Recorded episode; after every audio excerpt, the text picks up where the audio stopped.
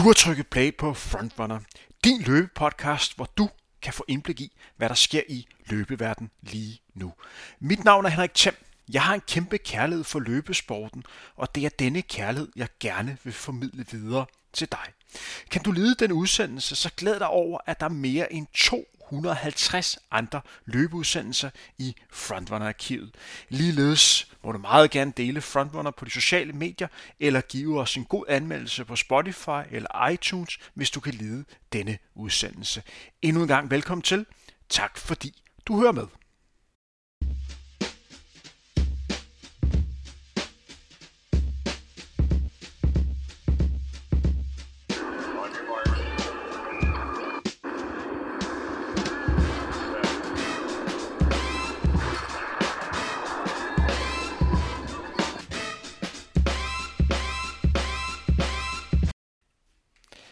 Denne udsendelse kan du glæde dig til at møde den 23-årige Juliane Falstring Hvid, der er en af Danmarks bedste militær femkæmper. Men i sidste par måneder har hun også vist en imponerende løbeform, hvor specielt en 5 km tid på 16 minutter og 38 sekunder skal fremhæves. Der er mange veje til at blive en god løber, og nogle gange kan det være en fordel at supplere løbetræning med andre idrætsgrene. Det er det, vi blandt andet skal snakke om i denne udsendelse. En anden af dagens store temaer handler om træningslejre. Vi snakker med Juliane, inden hun skal afsted på sin første løbetræningslejr. Vi har fokus på effekten af det at tage på træningslejr. Hvad er det, man gerne skal undgå, og hvad er det, man gerne skal opnå. I den forbindelse kan du også glæde dig til at høre en snak med idrætslæge og dansmester på 100 km, Mads Carlsen, der fortæller om hans syn på at tage på træningslejr, og hvorfor nogle løber kan få effekt af at tage på træningslejr i højderne. Denne udsendelse er bragt i samarbejde med Sarkoni, og før I kan høre snakken med Juliane og Mass, er der en besked fra vores partner. De har nemlig lavet en farveopdatering på to af deres mest populære løbesko, nemlig en Dolphin Pro 2 og en Dolphin Speed 2. En Dolphin Pro-modellen er jo som bekendt Sarkonis Form 1 bil. Løbeskoen du skal på, når det skal gå rigtig hurtigt, og måske du gerne vil slå en ny personlig rekord. Den lette sko indeholder skummaterialet PWR Run PB og en carbonblad, der er altså med til at give dig en rigtig god stødabsorbering, samt endnu mere fremdrift og en oprejst løbestil, der alt sammen er med til at hjælpe dig til at give mindre stress på musklerne og ledene, og til at løbe endnu hurtigere kilometertider. Speedmodellen som den trofaste frontrunner-lytter ved, er en af mine øh, personlige favoritsko. Er en sko, der føles rigtig komfortabel at have på, og har den samme speed roll-teknologi som Pro-modellen, der gør, at du føler dig lidt som gazelle, når du løber. Du overdriver måske en lille smule, men du har virkelig en fed fornemmelse, når du løber i den sko. Og min fornemmelse er, at skoen kan holde til en del kilometer. I kan finde de nye fede farver i billederne, som hører med til præsentationen af dagens udsendelse. Ellers kan I selv gå ind på saukoni.dk. Og lad os nu starte med udsendelsen. Rigtig god fornøjelse.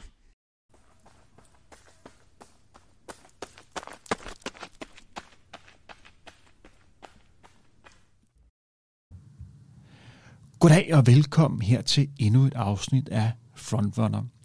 Det vi skal have fokus på i dag, det er, at vi skal snakke om, at det med at blive en god løber, der er mange forskellige opskrifter til det.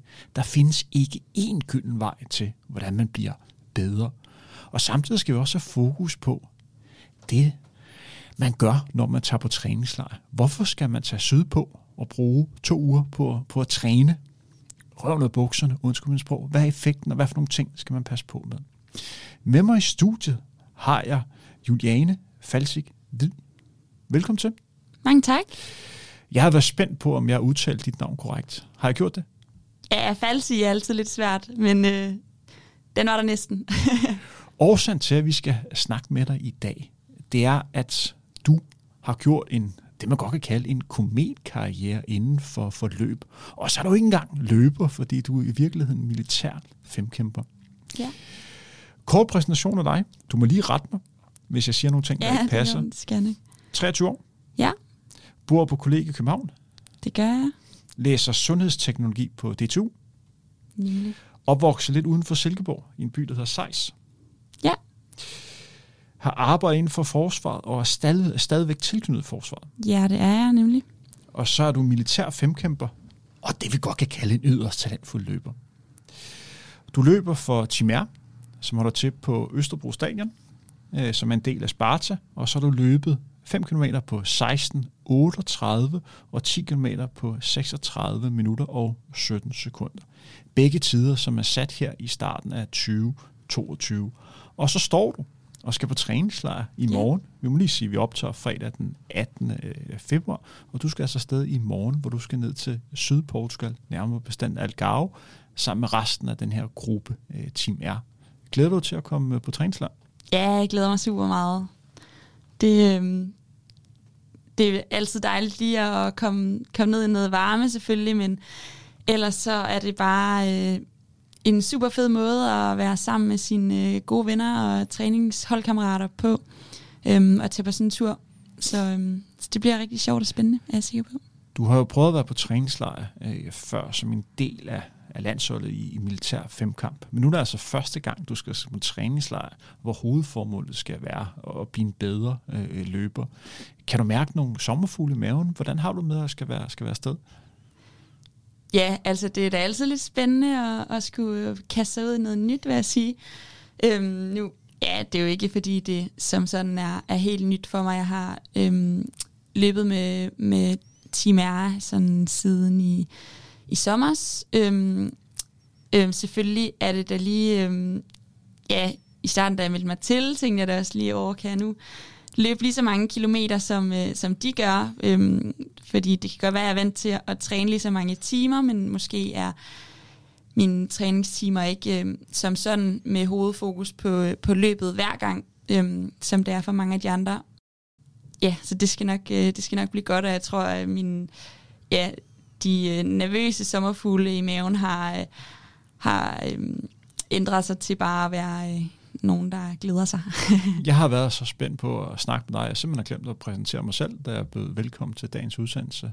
Ja. Men øh, mit navn er Henrik Thiem, og jeg kan lige fortælle, at dagens program, hovedfokus er, som bekendt, at snakke om, at der er forskellige veje til at blive en god løber, og så effekten af træningslejr. Men vi skal gå helt i dybden så skal vi allerførst snakke om militær femkamp, hvor du får mulighed for lige at gennemgå de, de fem discipliner og, og komme ind med din personlige øh, favorit. Vi skal snakke om lidt om, hvorfor du er flyttet til København, og hvordan det er at, at bo i, i København. Hvordan er det at være, øh, være ung, eliteaktiv og bo på kollega. Så skal vi snakke om din øh, baggrund som løber. Hvad er det, der fascinerer dig som løber? Hvordan er det at være en del af, af Team R? Hvordan ser en typisk trænings ud for dig, hvis man kan, kan snakke om det? Så skal vi snakke om træningslejr. Gå lidt mere i dybden. Og i den forbindelse tager jeg også et opkald til, øhm, til læge, Mads Carlsen, som er idrætslæge, som kommer ind og, for, og snakker lidt mere om de sådan, fysiologiske baggrund, hvorfor det er godt at tage på træningslejr. Han kommer også ind på, hvorfor det er, er nogen for effekt af at tage på højde træningslejr. Øh, og om der er en skadesrisiko ved at tage på, øh, tage på træningslejr. Og så skal vi lige runde af med at snakke om øh, dine mål for fremtiden. Den udsendelse er bragt i samarbejde med Saucony, der er altså dem, der har gjort denne udsendelse muligt. Undervejs i udsendelsen vil jeg også optræde et sponsoreret indslag for dem. Men allerførst militær femkamp. Vi har jo tidligere haft to udsendelser på, på Frontrunner, hvor vi har snakket med militær femkæmper tilfældigheden har gjort, at det, er, det er tre piger, jeg har snakket om. Jeg må efterhånden snart have en dreng med i studiet, så vi kan få nogenlunde ligestilling på det område. Men tidligere har jeg jo snakket med Nanne Lind. Det var ikke så meget militær femkamp, men mere om hendes crazy cykeltur for, for, for Kina til, til, til Danmark. Og så Johanne Kær øh, Tolstrup hvor hun også snakkede lidt om, hvordan der var militær øh, femkæmper. Men ganske kort, kan vi lige gennemgå de, de fem discipliner? Ja, det kan vi. Øhm, første disciplin, det er skydning, som er delt op i en hurtig skydning og en præcisionsskydning. Øhm, så har vi den militære forhindringsbane, som der måske er en del, der kender. Jeg har prøvet Ja. øhm, så er der noget håndgranatkast, som også er øh, både en præcisionsdel og en længdekastdel. Så har vi svømmeforhindringsbane, og til sidst så har vi øh, for kvinder 4 km terrænløb og for mænd 8 km. terræn. Hvad for en af dine pers- øh, personlige favorit? Hvad for en af de her fem discipliner kan du bedst lide? Altså, det er jo lidt et svært valg for mig mellem løb og forhindringsbanen. øhm, så ja, jeg kan ikke vælge faktisk, men, øh, men de to, det er helt sikkert mine, øh, mine favoritter. Og hvis du fik opgaven at skulle fjerne en af disciplinerne, hvad for en disciplin ville du så fjerne? Og så ville det nok være kast, men nok ærlig indrømme. kast er ikke lige dig? Mm, nej, altså jeg tror, det er meget en, en nervedisciplin, kan man sige, og det kan både på mange måder være rigtig fedt, men det kan også bare være ja, lidt nedtursagtigt, hvis man ikke lige øh, er, ja, har dagen, så, øh, så kan det gå rigtig galt. Og før vi trykker play, så snakker vi lidt om, at det er det forskellige, om man konkurrerer alle discipliner på en dag, eller det er om to dage. Ja, lige præcis. Men normalt er det over to dage. Er det sådan korrekt forstået? Ja, altså det er ret sjældent, at det er over en dag. Men normalt over to eller tre dage. Så, øhm, så på de, den første dag har man øhm, skydning og forhindringsbane. På dag to kast og svøm. Og på dag tre har man så løbet. Øhm, og løb bliver man så sendt afsted som en øh, jagtstart, så man kan man bliver sendt afsted afhængig af, hvor mange point man har, øh, har indtil videre. Så den, der har flest point, bliver sendt afsted først, så man ved, øhm, hvis jeg indhenter den person, så får jeg førstepladsen overall. Du snakker om en, som synes, at sådan en militær øh, forhindringsbane er super fed. Ja. Jeg har faktisk øh, for et par år tilbage holdt jeg drengefødselsdag, hvor jeg inviterede nogle drenge ud, hvor vi skulle prøve den her militærforandringsbane. Vi har faktisk fået Nana med til lige at være guide. Den allerførste disciplin, er det ikke der, hvor man sådan skal tre meter op i luften, eller sådan et eller andet, over sådan en stige, hvor man bare sådan kigger op, og man tænker, wow, der er langt op. Ja, den første, det er en, ja, det er nemlig stigen der. Og der kan, jeg, der kan jeg huske, at jeg har samlet 10 drenge, som alle sammen, langt de fleste af dem, var vant til at dyrke meget idræt. Men det var faktisk, at tre ud af os 10 magte ikke at komme op på den her første forandring. Og der kigger jeg sådan lidt, fordi i starten tænker ja ja, det der kan alle gøre. Men alligevel der var tre ud af 10, der sådan måtte melde pas på det, for at bare kravle op i luften, for det var simpelthen, hvor man bare, det var sådan grænseoverskridende på en eller anden måde. Så fik jeg sådan lidt mere respekt for det her. Men jeg synes virkelig, at det var, det var fedt, og jeg kan huske, da Nana viste de sådan forskellige ting. Alle drenge, der stod bare og tænkte, wow mand, det der, det ser fandme fedt ud. Kan du sætte lidt ind på den her militærforandringsbane, for det, det ser bare så fedt ud, når man laver det. Ja, jamen, øhm, jeg tror også, det er noget af det, der gør, at jeg synes, den er rigtig fed, at Øhm, ja, de mange discipliner er jo, øhm, ja, på mange måder øh, kan de være grænseoverskridende, øhm, men også det her med, at øhm, man kan jo altså man kan jo forbedre sig rigtig meget, og der er meget øh, nørderi og mange små detaljer, man hele tiden kan blive bedre til at, og øh, kigge på de andre atleter og sige, om hvad gør de, og kan jeg få noget ud af og, og se på, hvad jeg selv gør i forhold til, hvad de gør. Øhm, så på den måde få rigtig meget øhm, ja, nye erfaringer og lære noget nyt på, på banen. Øhm, og så tror jeg bare, jeg synes, det er helt vildt fedt, øhm, eller det er jo sindssygt hårdt øhm, at løbe sådan en bane der, øhm, hvor man bare makser fuldstændig ud. Øhm, men, øh, men bagefter er det bare en, ja, selvom det gør rigtig ondt i hele kroppen, så er det også en fed følelse at mærke, at man virkelig har brugt hver eneste lille bitte muskel i hele kroppen, helt ud til fingerspidserne på bare at give den alt, hvad man, hvad man kan på, øh, på banen. Til samme fødselsdag prøvede vi også håndgranatkast. Ja. Jeg skal lige være sikker på, at jeg husker det helt korrekt. Men det er noget med, at der er også noget præcision i det. Eller er det mig, der husker helt galt? Ja, der er meget præcision, ja. Kan du lige gøre lytterne lidt klogere på, hvad man præcis skal med den her håndgranat? Ja, altså man øhm, skal kaste i alt 16 håndgranater på fire forskellige afstande. Og for kvinder er det på 15, 20, 25 og 30 meter, man så skal kaste. Øhm, så er der nogle, øh, eller de her afstande, de er angivet med nogle ringe, der ligger. Øhm, så hvis man kaster ind i midten af ringen, så får man så fuld antal point, og hvis man kaster i den yderste ring, eller hvad man siger, der er to ringe inde i hinanden, så får man så øh, lidt færre point. Øhm, og hvis man kaster helt forbi, så får man selvfølgelig ikke nogen point.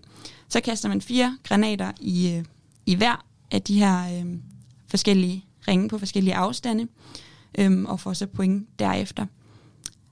Bagefter har man så tre granater, hvor man har øh, ja, tre forsøg til at kaste så langt man kan, og så er det så den længste, der tæller. Hvis man sidder og hører med på den udsendelse, man tænker, det der militær femkamp, det lyder simpelthen som det fedeste. Ja. Jeg vil ønske, at jeg kunne blive så øh, god som, som Liane. Hvad skal man så gøre? Øh, Hvor finder man informationer hen? Hvor kan man møde op?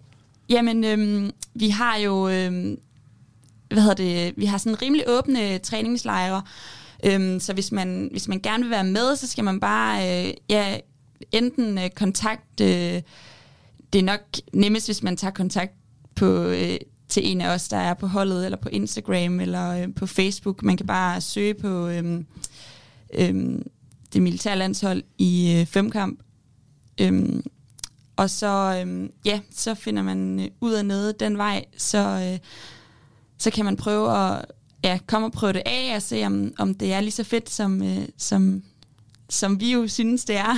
Og der var en af disciplinerne, vi lige glemte at snakke lidt om. ja. For det er en disciplin, som jeg altid godt kunne tænke mig at prøve. Jeg er vild med forandringsbanen, men den her kunne jeg også godt tænke mig at prøve. Ja. Nemlig vandforandringsbanen. ja det Hvor kan jeg prøve den hen? Jamen, øhm, det er nemlig også øhm, ja, lidt svært bare lige sådan at prøve den, men man, så man skal jo prøve at, at komme med os øhm, en eller anden dag. Men vi træner på den hver fredag øhm, ude i Rødovre. Så, øh, så kunne man tænke sig at, øh, at prøve den af og se om femkamp, det var noget. Øhm, så øh, ja. Så kan man prøve vandforandringsbanen ude i Rødovre. ja, hvis man lige tager, tager kontakt. Og, Men det er en lidt kortere bane, er det ikke?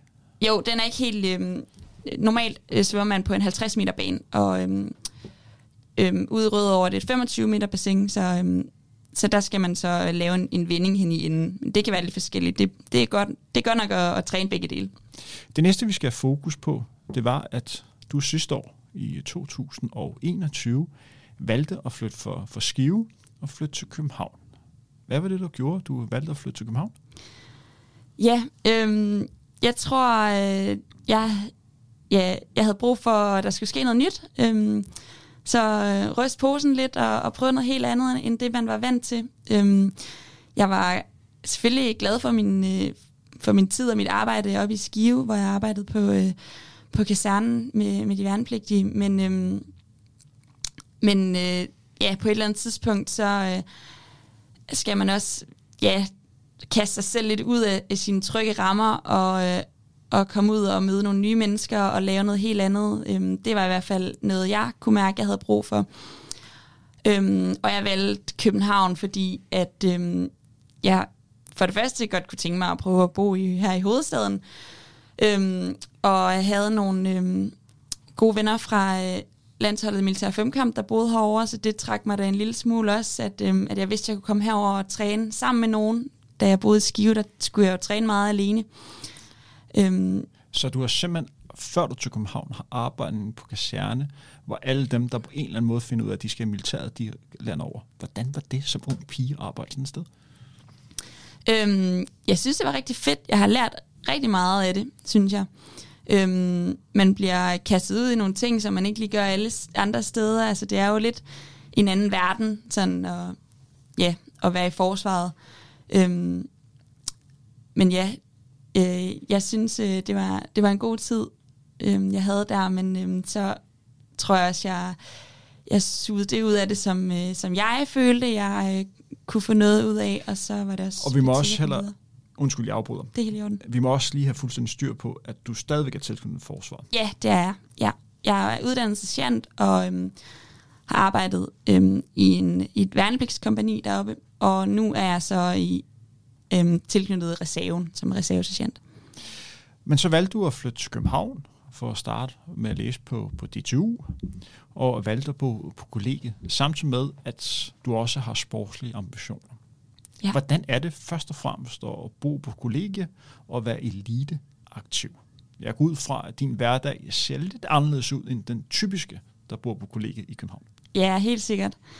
Øhm, altså, det sætter dig ind i, i nogle øh, dilemmaer nogle gange, og specielt i starten, da jeg kom herover, og alting var nyt, og man ville gerne være alle steder. Man ja, mødte nye mennesker på sit studie, og nye mennesker på kollegiet, og man ville godt give noget af sig selv til dem, og så vise, at, at, ja, at man godt kunne lide at være der, men når man også øhm, bruger rigtig meget tid på, øh, på træning øhm, og på, på det ved siden af, som andre måske ikke helt forstår, hvis man ikke er inde i løbeverdenen, eller ja, ikke lige, øh, hvis det ikke lige interesserer en så meget. Øhm, så, øhm, så det har da sat mig lidt i nogle dilemmaer nogle gange, men jeg synes, at dem, der er tæt på mig øhm, på kollegiet, er rigtig gode til at, at forstå det, og, og ser mig også hver dag rende ind og ud af døren i sportstøj. Hvad er det største afkald, du føler, du må hvad kan man sige, gøre for at, være, for at dyrke det liv, som du nu engang har? Er der en ting, hvor du tænker, at det skulle lidt ærgerligt, at jeg skal gå på kompromis her? Øhm, altså, det tror jeg egentlig ikke, jeg sådan tænker, fordi at jeg bare gør det, jeg rigtig godt kan lide.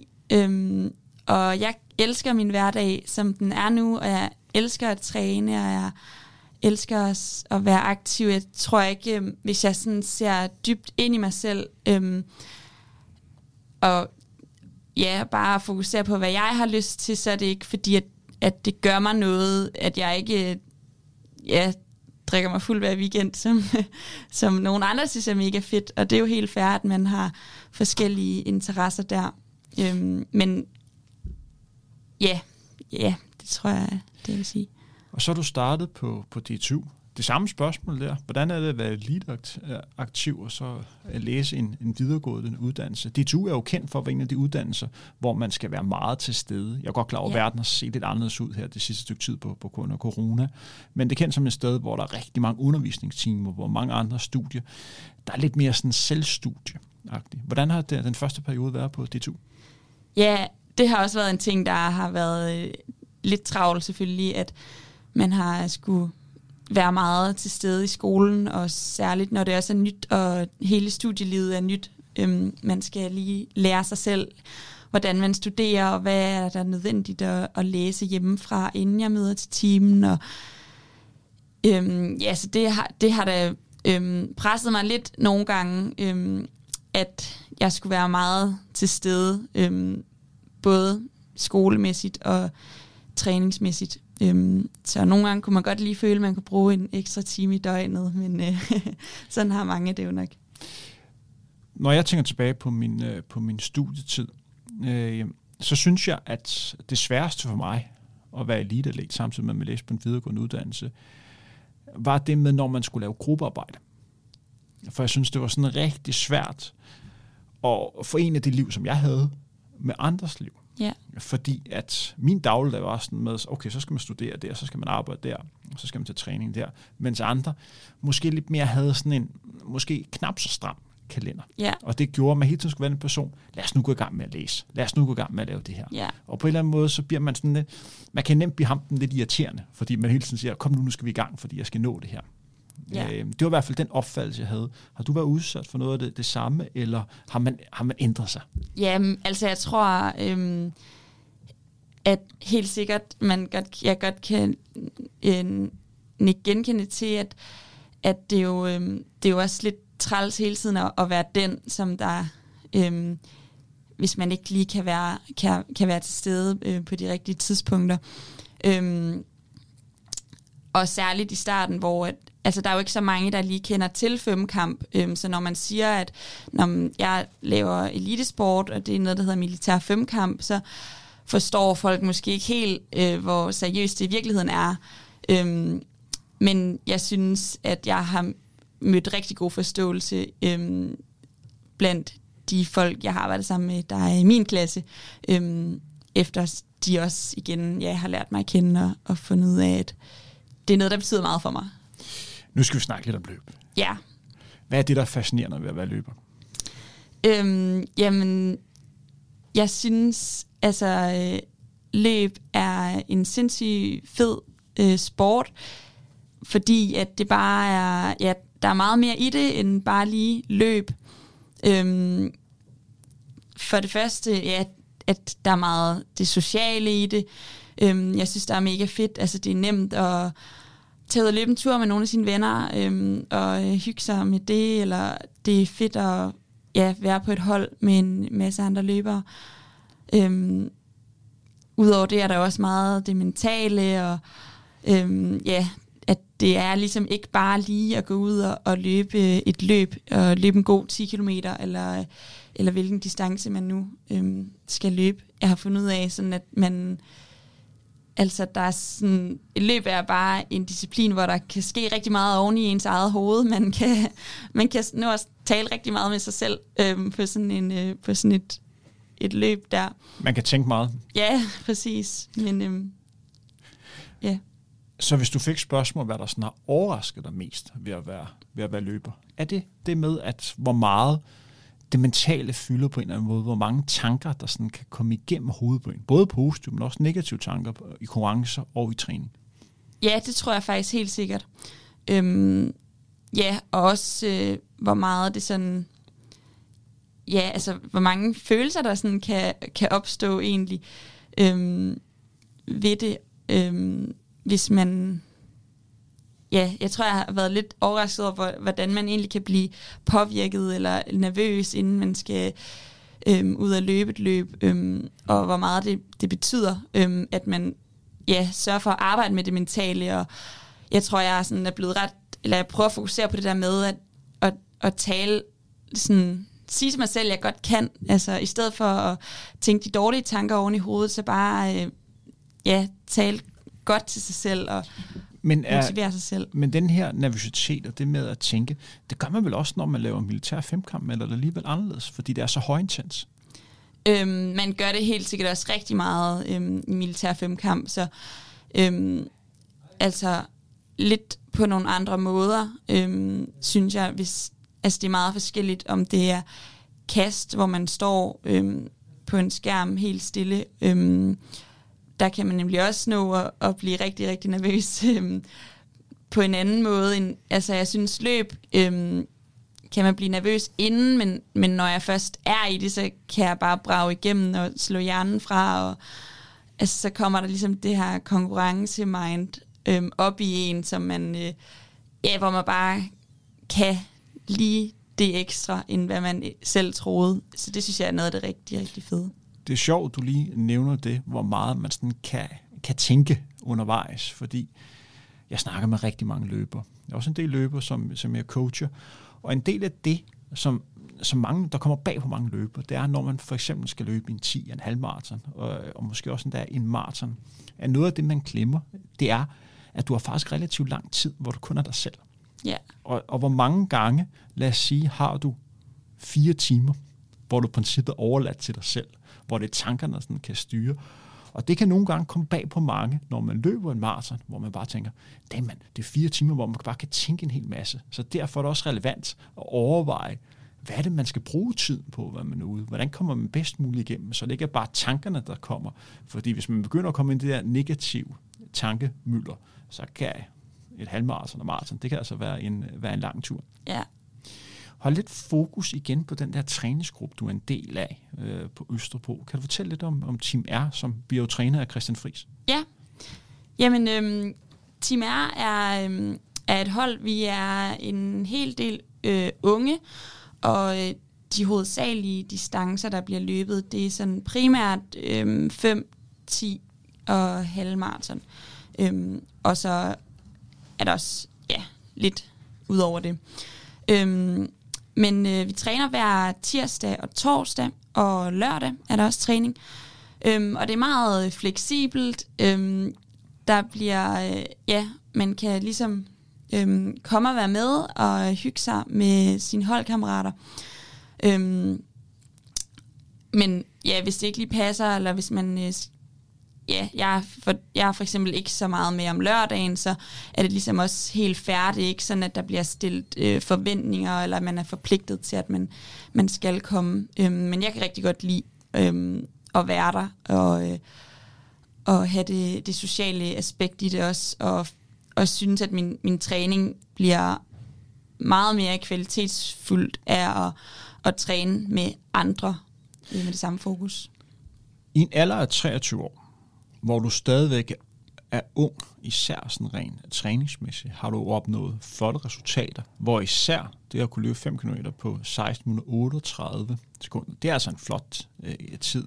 Tak. Hvordan er det for, din, for dine holdkammerater at, at træne med dig, når du ved, når de ved, okay, hun er altså med til træning, men det kan godt være, at hun lige har trænet tre timer før med noget andet. Øhm, er der nogen, der sådan kommenterer det? Nej, det tror jeg ikke. Altså, jeg tror sådan... Oplever du en gang, hvor de bare tænker, hende der militær femkæmper, hende skal jeg bare... Jeg må ikke... Øh, hun må ikke løbe frem på intervallet. altså, det ved jeg faktisk ikke, om, om de tænker. Det tror jeg ikke. Jeg, jeg føler, vi sådan...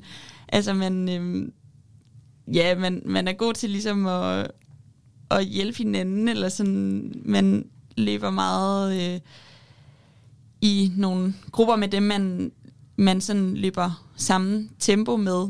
Øhm, men det er da også fedt nok nogle gange, hvis der lige er lidt konkurrence i det, eller sådan, så kan man måske lige presse sig lidt ekstra. Så det kan da godt være, at der er nogen, der, der tænker det. Vi må også lige øh, fastslå, at du har jo en anden træner end Christian Friis. Du bliver ja. jo træner af Brian Dorsberg, som for mange år siden også har været træner på uh, ind, ind i Sparta. Faktisk også for Tim Ert, tror jeg, han har på, på et tidspunkt. Ja. Men det er jo din træner, fordi han er, hvad kan man sige, er jo, er han ikke landstræner i militær femkamp? Jo, på landsholdet, der har vi faktisk øhm, en hel del rigtig dygtige trænere, men en af dem er, er Brian Dåsbjerg. Ja. Og så er det ham, som der laver træningsprogram til dig? Ja, det gør han. Ja. Hvordan ser sådan en typisk trænings ud? Hvor mange timer ligger du og træner? Øhm, jamen, jeg træner omkring øh, cirka 13-15 timer om ugen. Nogle gange lidt mere, hvis der også er en træningslejr. Og hvordan er det fordelt? Har du nogle øh, hviledage engang imellem, eller er sådan, hvis man siger 14, 12-14 øh, timer, så er det omkring to timer om dagen? Hvordan ser en typisk ud? Øhm, ja, altså det er jo meget sådan... Øhm, altså jeg prøver at, at gøre det meget sådan fleksibelt, kan man sige. Øhm, jeg løber øhm, for det meste hver dag, øhm, og har så min kvalitetsløbepas øh, tirsdag og torsdag, og, øh, og nogle gange lørdag. Øhm, lidt afhængig af, hvad jeg ellers skal træne. Øhm, ellers så øh, svømmer jeg tre gange om ugen, to til tre gange om ugen. Øhm, så det kan være om, øh, ja, det er ofte om tirsdagen, inden jeg, øh, inden jeg tager til løbetræning. Øhm, og så har vi øh, fælles træning om fredagen med svømning også, og så om, søndagen nogle gange. Og udover det, har jeg så øh, nogle styrketræningspas og noget kastetræning. Øhm, skydning er lidt mere, øhm, ja, det er lidt sværere tilgængeligt, kan man sige, så det er ofte, hvis øh, jeg tager på træningslejre, at jeg får, øh, får trænet skydning.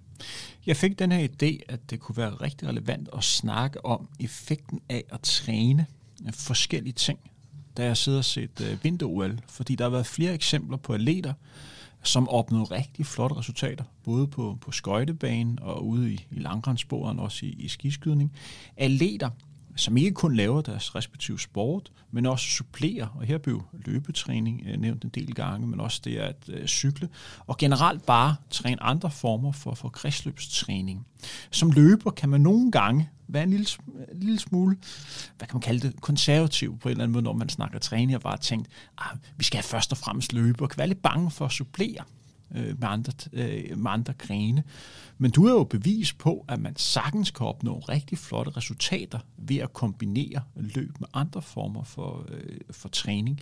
Kan du gøre lytterne klogere på, hvad det har haft effekt for dig, at du sådan kan kombinere løb med andre ting? Ja, øhm, altså jeg tror helt sikkert på, at man disciplinerne ligesom forbedrer hinanden, eller, eller hvad man siger. Øhm, det, jeg tror, det er øh, vigtigt også som øh, løber, det har i hvert fald været det for mig, øhm, at have øh, noget styrketræning ved siden af, øhm, og øh, særligt svømning også, øhm, tror jeg er noget er rigtig god øh, kredsløbstræning.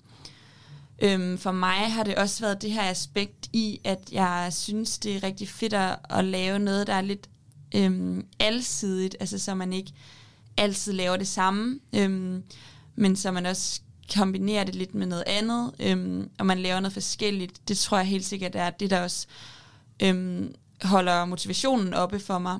Øhm, at jeg ligesom ikke kører sur i at, at lave det samme, men at det er noget forskelligt, jeg laver. Hvis vi leger med tanken om, at du kun var løber, ja.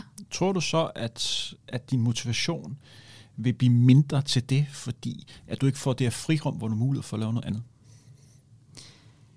Øhm, nej, altså jeg tror generelt, jeg sådan er meget en person, hvis jeg har besluttet mig for noget, så, så går jeg ligesom også all in på det. Øhm, så det, det tror jeg ikke, jeg vil sige det, at, at det vil være sådan nødvendigvis. Øhm, men jeg har bare som person meget fokus på det her med, at jeg øh, gerne vil lave det, der gør mig glad, og, og det, jeg, det, jeg godt kan lide. Øhm, og ja, hvis, hvis det var, at jeg kun løb hele tiden, så ville jeg da bare gøre det. Men øhm, nu kan jeg også godt lide at lave noget andet. Så. Fordi du har et niveau, hvor du ligger og løber mod løber, som ligger og måske træner de samme antal timer, som du gør, men hvor størstedelen af al tiden er brugt på decideret løbetræning. Kan du se, hvad du mangler i din træning mod kontra dem? Kan du føle dig en eller anden punkt her, hvor du stadigvæk er en lille smule sværere end dem? Der vil jo sikkert være nogen, der vil tænke, hun løber ikke særlig mange kilometer. Hun må have udfordringer, når vi snakker udholdenhed. Øhm, altså, øh, nej, ikke som sådan. Jeg tror, der, der, der ville da sikkert være øh, andre måder, jeg skulle træne, eller ja, helt sikkert andre måder, jeg skulle træne, hvor hvis jeg, øh, hvis jeg udelukkende øh, fokuserede øh, på løbet, men øh, ja, jeg har egentlig også, altså det er jo løbet, jeg, jeg primært også synes er rigtig sjovt. Og bedst til i femkamp. Ja, det kan man sige, man kommer jo tit til at lave det, man er bedst til. Så, så ingen tvivl om, at jeg, jeg løber jo øhm, en del mere, end jeg øhm, træner mange af de andre discipliner. Øhm, så måske burde jeg gå ud og, og kaste mere, end, end jeg gør. Øh, ja, men, men sådan er det bare, at nogle gange så... Øh, så skal man også bare have hverdagen til at fungere med det, der gør en glad. Det næste punkt, vi skal snakke om, det er der, hvor vi skal snakke om træningslejr. Og du står til at skal afsted på din første regulære træningslejr, hvor løb er 100% i fokus. Og vi er også kommet derhen i udsendelsen, hvor jeg ringer op til vores idrætslæge Mads Carlsen, der kommer med hans forklaring på, hvorfor det er godt som atlet at tage på træningslejr, og hvad for nogle ting, man skal være opmærksom på ikke at gøre.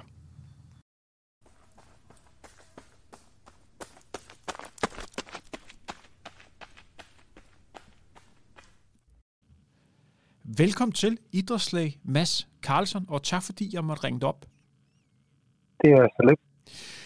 Mads, du er jo med i en udsendelse, hvor jeg sidder og snakker med en ung, talentfuld løber, der skal på træningslejr for første gang.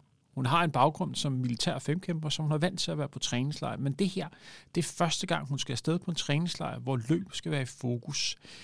Derfor ringer jeg op til dig, for lige at blive klogere på, hvorfor man skal tage på træningslejr.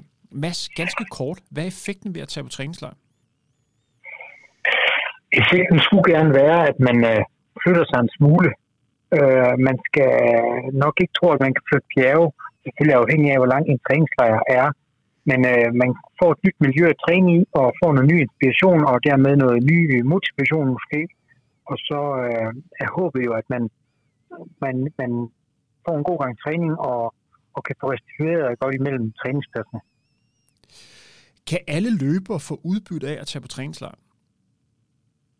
Jeg vil mene, at alle vil kunne få en eller anden form for effekt. Alle, der er fedt øh, skadesfri, øh, kan få noget positivt øh, ud af at tage på træningslejr, hvis man selv er indstillet på det. Øh, igen skal man øh, ikke tro, at man lige pludselig føler sig øh, sådan helt urealistisk meget ved at tage afsted en-to uger.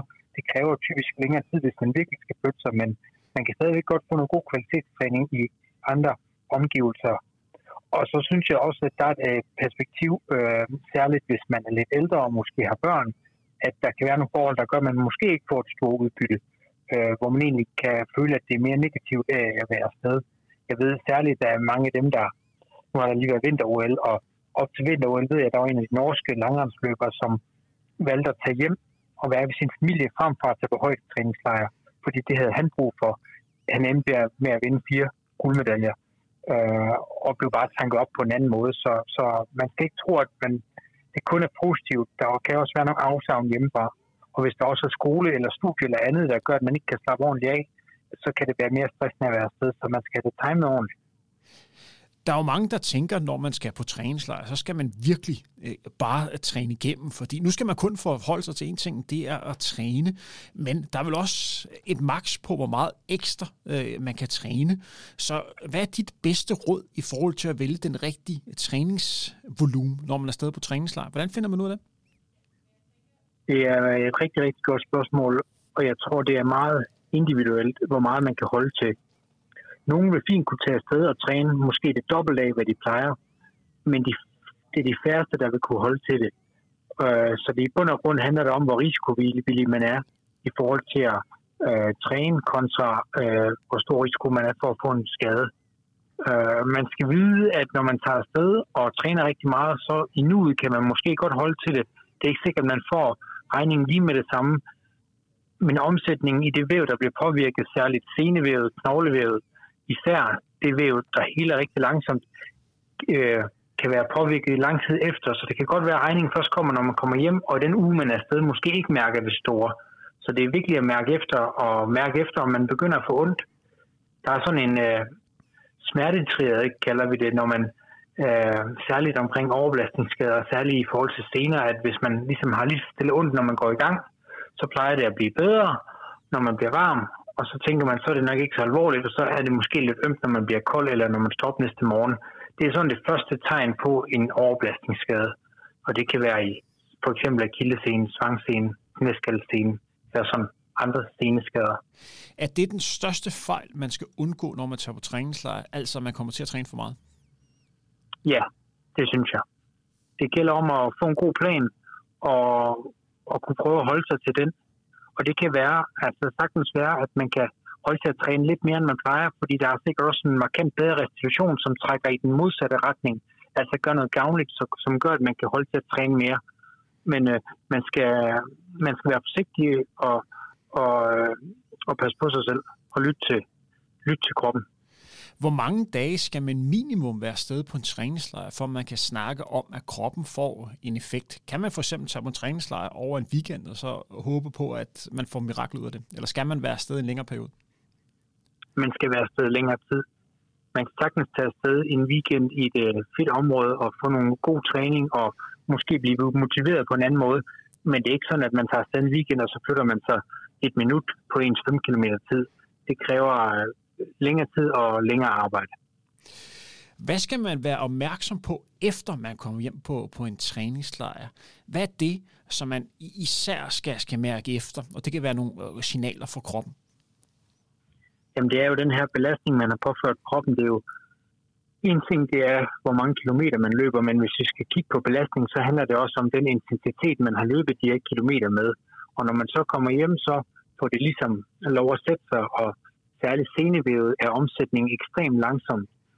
Vi ved egentlig, at helt op øh, til 16-17 dage efter et ultraløb, der er der stadigvæk markant højere metabolisme i senevævet. Så derfor kan regningen godt komme senere, og man skal respektere det og måske lægge noget restitution ind efter en træningslejr, hvis man har trænet rigtig meget. Mange løbere er jo også begyndt at tage på det, man kalder højdetræningslejr. Kan du kort forklare, hvad en højdetræningslejr er?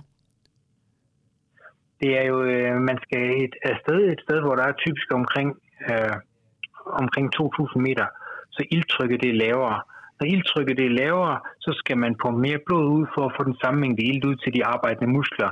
Og når man så sætter kroppen i en sådan situation, så vil knoglemagen begynde at producere flere røde blodlemmer. Og så vil man ligesom kunne øge sin kapacitet for at uh, transporte ilt, og det kan give en en øh, effekt i performance. Øh, når man, øh, når man er udholdenhedsatlet. Så det, er, så det er primært i udholdenhedsdiscipliner. Kan du kort lige fastslå, hvad er det for nogle discipliner, øh, vi snakker om, hvor udholdenhed spiller en stor faktor? Hvad for nogle distancer skal man løbe for? Det er rigtig relevant at tage i højderne. Jamen, der er faktisk også nogle, øh, der er nogle studier, der også viser, at det kan have en effekt for sprinter. Øh, hvor, så, så det er der også kommet nogle studier øh, på der, så, så man kan sige egentlig, alle, der har en eller anden form for sport, hvor der er en del, hvor, hvor um, fysikken spiller rigtig stort ind, ikke også, øh, kunne have en effekt, men primært ved vi, at det er udholdelsesatleter, altså cykelrytter, langrand, løbere, som bruger det her. Så øh, typisk atleter, hvor man skal bruge en rigtig høj ildoptagelse, øh, altså skal være rigtig god til at transportere så meget ilt rundt som muligt er dem, der vil have god effekt. Så jeg vil sige nok dem, der løber fra 800 meter og op til maraton, vil være dem, der på, ja, løber, er dem, der vil have bedst effekt responderer alle løber på højdetræning? Jeg kan selv sige, at jeg har et par gange selv været på, på et højdetræningslejr. Jeg har altid været godt løbende, når jeg har været i højderne, men jeg er sådan lidt usikker på, om jeg egentlig har fået effekt af det, når jeg sådan kommer hjem, fordi jeg har hverken følt mig bedre eller dårligere, end da jeg tog afsted. Ja, og det er ikke nødvendigvis alle, der responderer på det. Det er igen, som det er med løb generelt, det er individuelt, så man kan ikke skære alle over en kamp.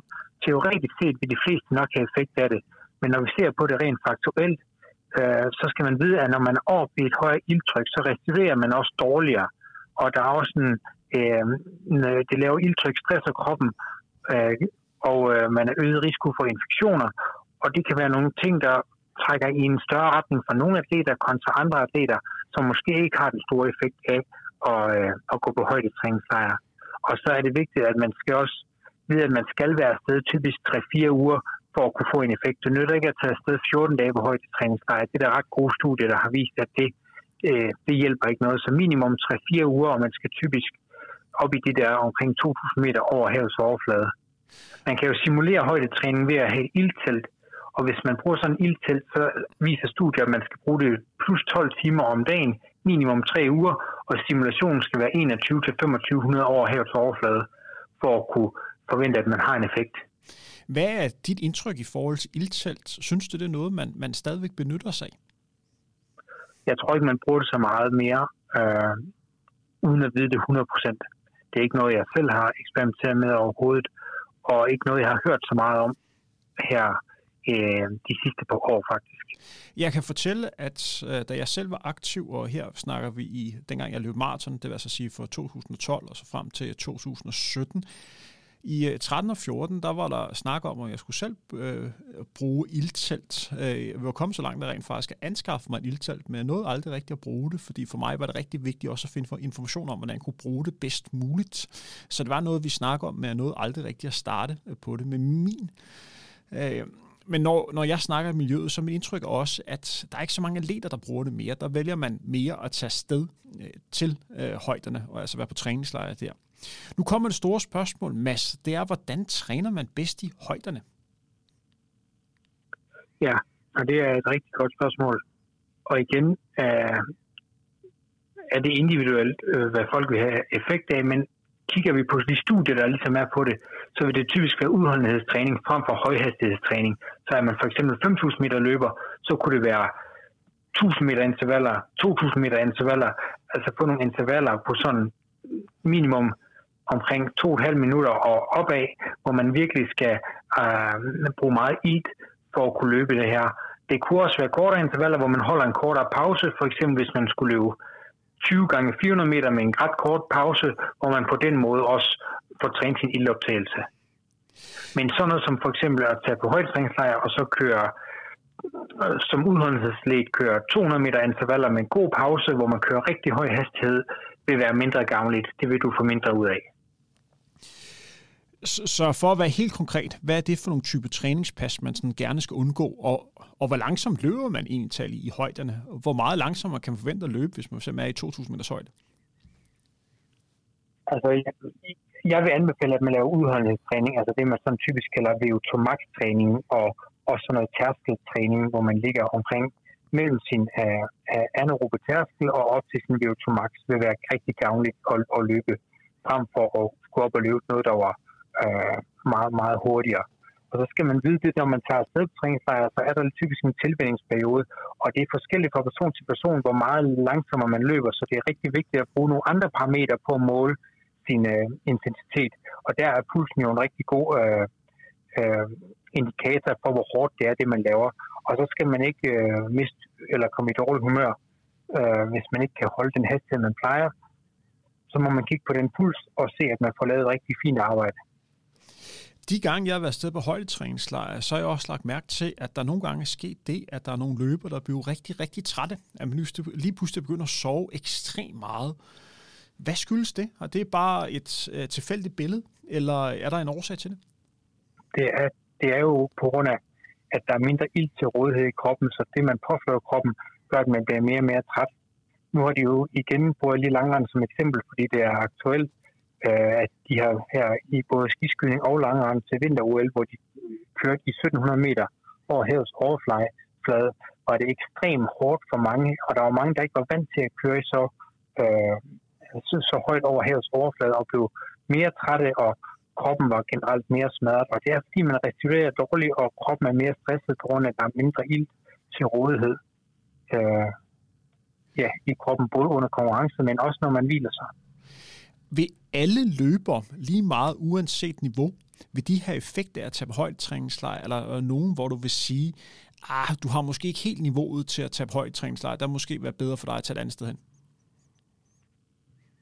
Jeg tror, alle, der tager sit løb seriøst, vil nok kunne flytte sig.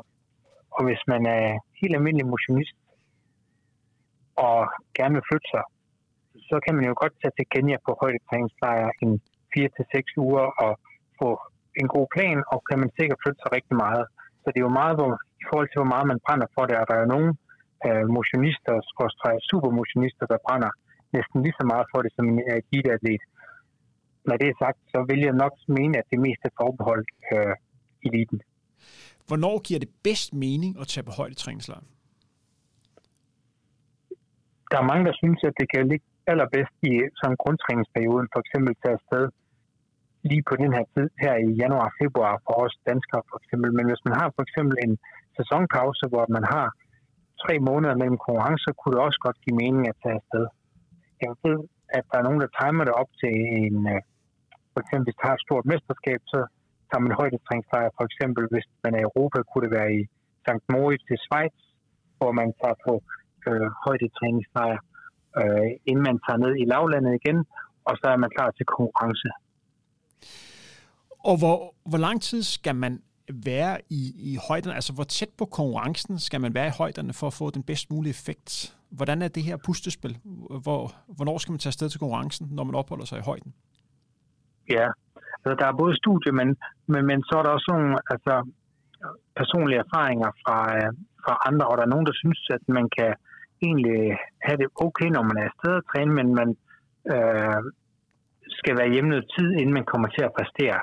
Så man skal nok gerne have to-tre uger i lavland, efter man har været på en højdetræningslejr, hvor man igen skal have været på højdetræningslejr i hvert fald en 3-4 uger, for at kunne forvente at få en effekt af det, før knoglemagen er stimuleret, til man har fået produceret flere røde blodlemmer. Men når vi snakker højdetræningslejre, så virker det også som noget, som man vil få effekt af, men også rigtig god ting at bruge, benytte sig af flere gange. Fordi der er også en masse tilvænding og, og læring i forhold til, hvordan man får det maksimalt ud af det det tror jeg er det allervigtigste, det du siger der, at det er individuelt, og man skal mærke, hvordan det her det påvirker kroppen. Kigger vi på øh, de norske øh, Øh, brødre, Ingebrigtsen brødre, så tager de jo de samme steder hen altid. Der er enten til Flexbase i USA, eller de tager til St. Moritz, typisk midt på sæsonen, og ellers tager de til Sierra Nevada, hvor de ligger og egentlig tit bare løber på løbebånd, fordi der er sne eller dårligt vejr udenfor, og så men der kan de træne over i omkring 2.000 meter over havets overflade. Og de tager det samme sted hen hver gang, og ligesom følger den samme plan. Så det er, jeg tror lige præcis det der med tilvænding, finde ud af, er det noget for mig? Har jeg responderet godt på det ved at gøre det på den måde? Det er det allervigtigste. Og derfor kan det også være lidt at, for en, der ikke har prøvet det før, lidt at gamble. Så man er nok nødt til at prøve sig lidt frem, hvis det er noget, man øh, vil have ud af performancemæssigt, medmindre man bare vil have en oplevelse, for eksempel ved at tage til Iten i Kenya, hvor man kan komme ned og træne i højden også. Og hvis man laver en sammenligning på at tage på normal træningslejr, altså at man tager ved havets overflade, kontra man tager i højdetræningslejr. Hvad er fordele og ved, ved, begge to? Hvordan finder man ud af, hvad der er bedst for en lige nu her?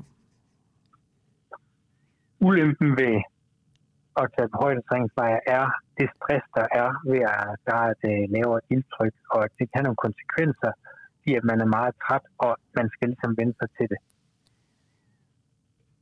Og fordelen er jo klart, at man, hvis man kan finde ud af at bruge det rigtigt, at man kommer til at kunne producere flere rødlemmer, og måske kan øge sin kapacitet til at transportere ild, og på den måde bliver bedre.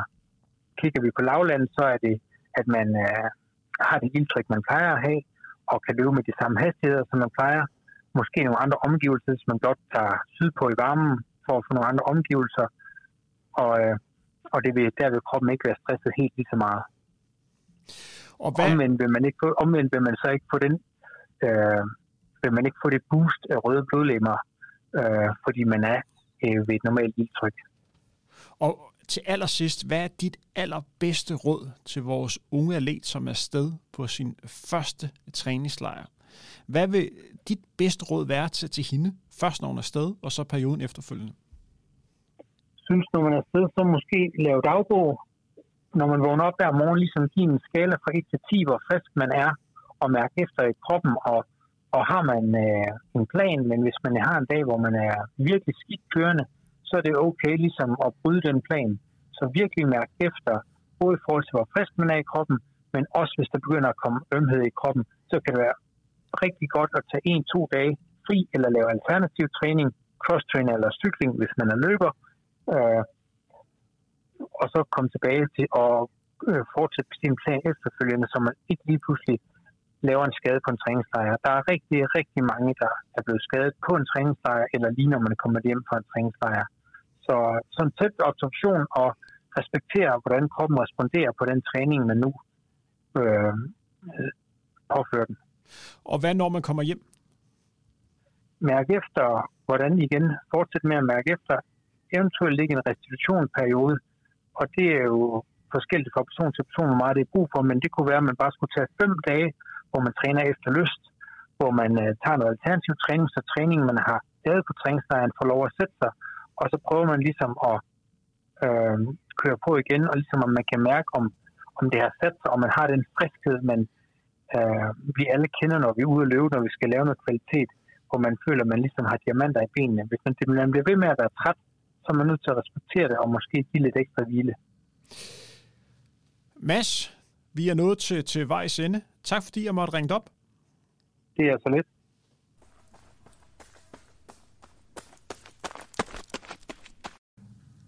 Og det var altså, det var altså Mads, der kom med hans betragtninger.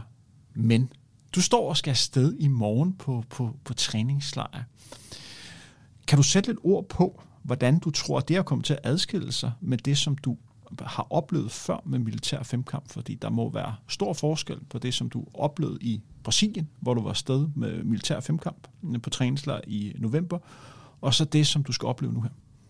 Og øh, forventer jeg at jeg får levet en, en masse kilometer, når jeg, når jeg kommer derned.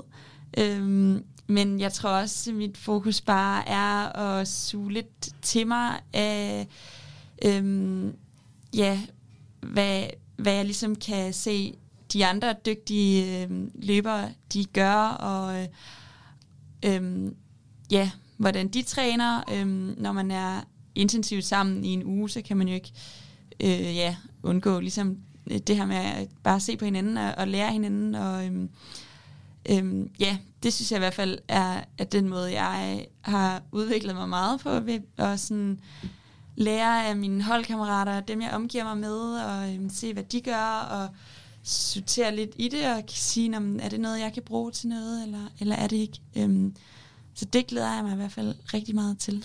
En overvejelse, som du også øh, står med, det er, at du er vant til at træne meget men nu kommer du ned, hvor der måske ikke er så meget mulighed for at kunne lave de andre discipliner. Altså gå ud fra, at den, den træning, du kommer til at lave den næste uge, vil jo primært bestå af, af løb. Er det korrekt forstået? Jo. Er du alligevel sådan bekymret for, hvor mange kilometer og hvor meget træning du kan, kan holde til, fordi du er vant til at supplere belastning ud på forskellige områder? Øhm, ja, altså, jeg vil ikke sige, at jeg som sådan er bekymret for det. Øhm, men øh, jeg jeg går ud fra, at, at der ligesom træningen er meget åben for, at man øhm, også kan tage et, et svømmepas og, i stedet for et i stedet for at løbe to gange om dagen, for eksempel. Øhm, men jeg tror, at jeg også generelt prøver at være meget fleksibel med min træning og lytte til kroppen og øhm, ja, være tro mod det. Øhm, så det, jeg skulle være bekymret for, det er ligesom om, om jeg, altså, hvis det er, at man kan mærke, okay, nu skal jeg måske ikke lige løbe to gange i dag, om jeg så la- kan komme til at lade mig drage af hvad, hvad de andre gør, eller hvad man siger, at, at så man kan blive suget, suget lidt med, fordi det jo er fedt at være med til det hele, og det er da altid træls, og, og, eller jeg føler, at det er træls at skulle skifte et pas, øhm, men der skal man bare være, være god til at og, øh, ja, stå ved, hvad man selv har, har brug for, har jeg lært. jeg kan fortælle dig, at første gang jeg var afsted på træningslejr, og kære lytter, I skal ikke gøre det samme, som, som jeg gjorde. Jeg var øh, en ung løber og skulle afsted sammen med nogle af de, de bedste seniorløbere i, i Danmark. Vi skulle også på træningslejr i Portugal, lidt uden for, for Lissabon. Jeg trænede ikke så meget på, på det tidspunkt, og kom ned, og jeg havde bare den indstilling til, at jeg skulle simpelthen op og træne. Det samme som alle de andre. Det gik godt de første 3-4 dage. Derefter der knækkede kurven, og jeg blev bare mere og mere færdig og kom hjem med, med en skade. Kan du love mig, at du ikke laver den samme dumhed som mig? Ja, helt sikkert. og jeg ved altså, at det, vi går ikke, man tager ikke på træningslejr jo for at bare træne ekstra meget, end hvad man plejer at gøre. Altså man skal jo sørge for at passe på sig selv og, og øhm, ja, have fokus på den træning, der er vigtig. To ting, vi også skal, vi skal snakke om øh, i forhold til træningslejr. Den ene er resolution. Man må gå ud fra, at du har mere mulighed for at kunne slappe lidt mere af i løbet af dagen, og dermed være, kunne hånd, eller bedre kunne håndtere den, den træning. Det er vel også noget, der betyder noget for dig at tage på træningslejr. Man har måske mulighed for at kunne blive mere frisk. Ja, helt sikkert. Altså, det er da også noget af det fede, jeg synes, der er ved at tage på træningslejr, at man skal ligesom ikke tænke på så meget andet, end at øh, træne og spise og sove og restituere. Øhm, og øh, ja, så øh, nogle gange skal man da selvfølgelig lige have lidt skolearbejde med sig, som man også kan lave ved siden af. Øhm, men jeg synes også, det er virkelig rart øhm, ligesom at komme et andet sted hen, og ikke skulle tænke på øhm, ja, alle de ting, man nogle gange har på to-do-listen derhjemme, kan man sige. Så du tager skolearbejde med derned? Ja, det gør jeg. Jeg har ikke ferie fra skole, så...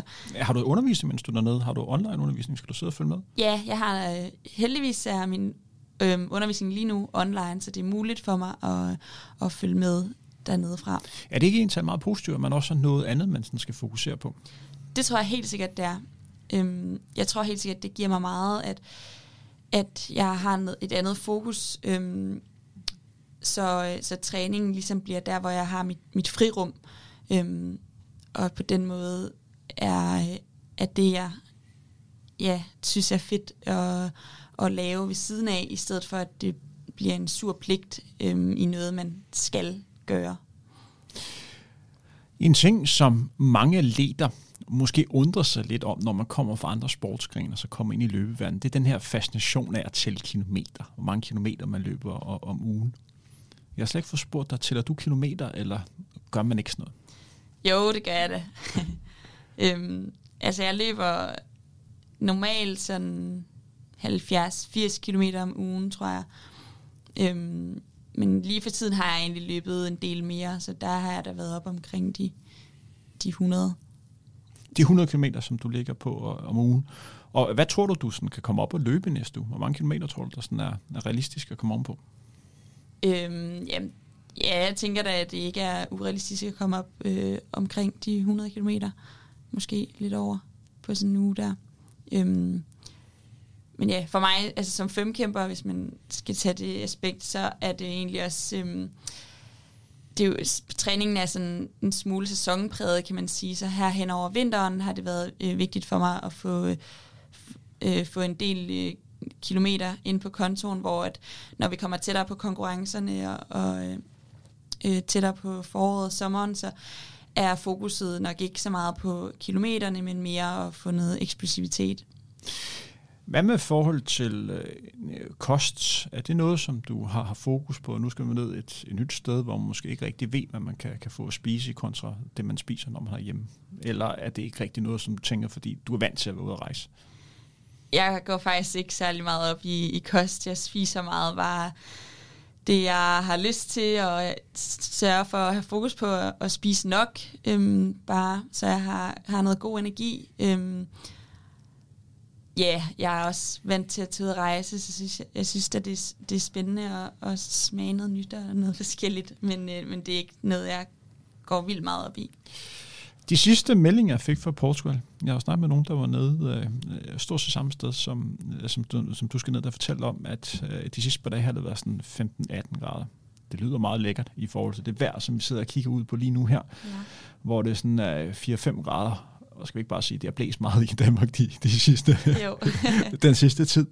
Hvad betyder det for dig at komme, komme ned i varmen og kunne træne under øh, lidt bedre forhold? Øhm, det betyder helt sikkert øh, meget for mig. Både at, ja, det er da dejligt at, øh, at komme ned øh, og have det lidt øh, dejligt. Øh, jeg føler helt sikkert, at det bliver mega dejligt at komme ned i varmen. Øh, og det gør jo også, at man ja, måske altså, kan præstere lidt bedre, når man øh, når omgivelserne de øh, er lidt nogle andre end her i Danmark, hvor det bare øh, er lidt gråt og, og blæser, og man er nødt til at have en hel masse øh, varmt tøj på. Så øhm, det glæder mig det til. Vi er ved at nå til, til vejs ende med, med, med dagens udsendelse. Men inden vi skal nå det sidste punkt, der er, hvor du skal svare på din, din mål for, for fremtiden, så får du lige det spørgsmål, som jeg har ventet en lille time på, på at stille dig. Det er, hvad ser du dig selv som? Løber eller militær femkæmper? ja, det er et godt spørgsmål. Du skal svare det i. Ja, hvad? jeg tror, når du spørger mig lige nu, så er militær femkæmper. Men jeg er da ikke fuldstændig lukket for, at, øhm, at jeg også godt øh, kunne ja, få mere fokus på løb på et eller andet tidspunkt. Men øhm, som det ser nu, så er det militær femkamp. Og apropos fremtiden, hvor langt kan du drive det her? Hvad er målet? Jeg tror helt sikkert, at mine mål, de, øhm, de ligger inden for militær femkamp. Øhm, hvis man ser på løbet, er, øhm, ja, gør jeg det stadig øh, bare med det mindset om, at jeg synes, det er fedt, og selvfølgelig gør det det jo endnu federe, at man også løber nogle, nogle gode tider. Øhm, men der har jeg ikke som sådan sat mig nogle øh, så meget, eller så langt fremtidige mål endnu. Øhm, men for militær femkamp øhm, vil jeg da sige, at øhm, mit, mit mål, øhm, realistisk mål, eller hvad man kan sige, er at blive øh, Danmarksmester. Og, øhm, og hvis man ser lidt mere på, på drømmemålene øhm, på verdensplan, så vil jeg da gerne på et tidspunkt komme op og lege med noget top 10 øhm, inden for de bedste i verden. Jeg ønsker dig alt Selvfølgelig. muligt, alt muligt held og lykke. Hvis man gerne vil følge lidt med i din karriere, hvor kan man så følge med? Så kan man følge med på Instagram. Jeg hedder Juliane Falsi. Der kan man bare gå ind og følge. Øhm, og det er også der, man kan følge landsholdet militær femkamp, som hedder øh, øhm, Military Pentathlon Team DK. Øhm, der kan man også følge med. Der lægger vi en masse ting op derfra. Og Juliane, tusind tak, fordi du har lyst til at være med, og kan du have en rigtig god træningslejr. Jeg håber, det bliver en rigtig, rigtig god tid i Portugal. Og kom nu hjem uden skader. Du skal helst ikke lave den samme dumhed, som da jeg var afsted på min første løbetræningslejr. Nej. Det er jeg ikke særlig stolt af. Du har netop hørt en udsendelse optaget med femkæmperen og eliteløberen Juliane Falsing Hvid. I udsendelsen kunne du også høre en snak med idrætslæge og dansmester på 100 km, Mads Carlsen. Denne podcast er bragt i samarbejde med Sarkoni. Tak fordi du hørte med.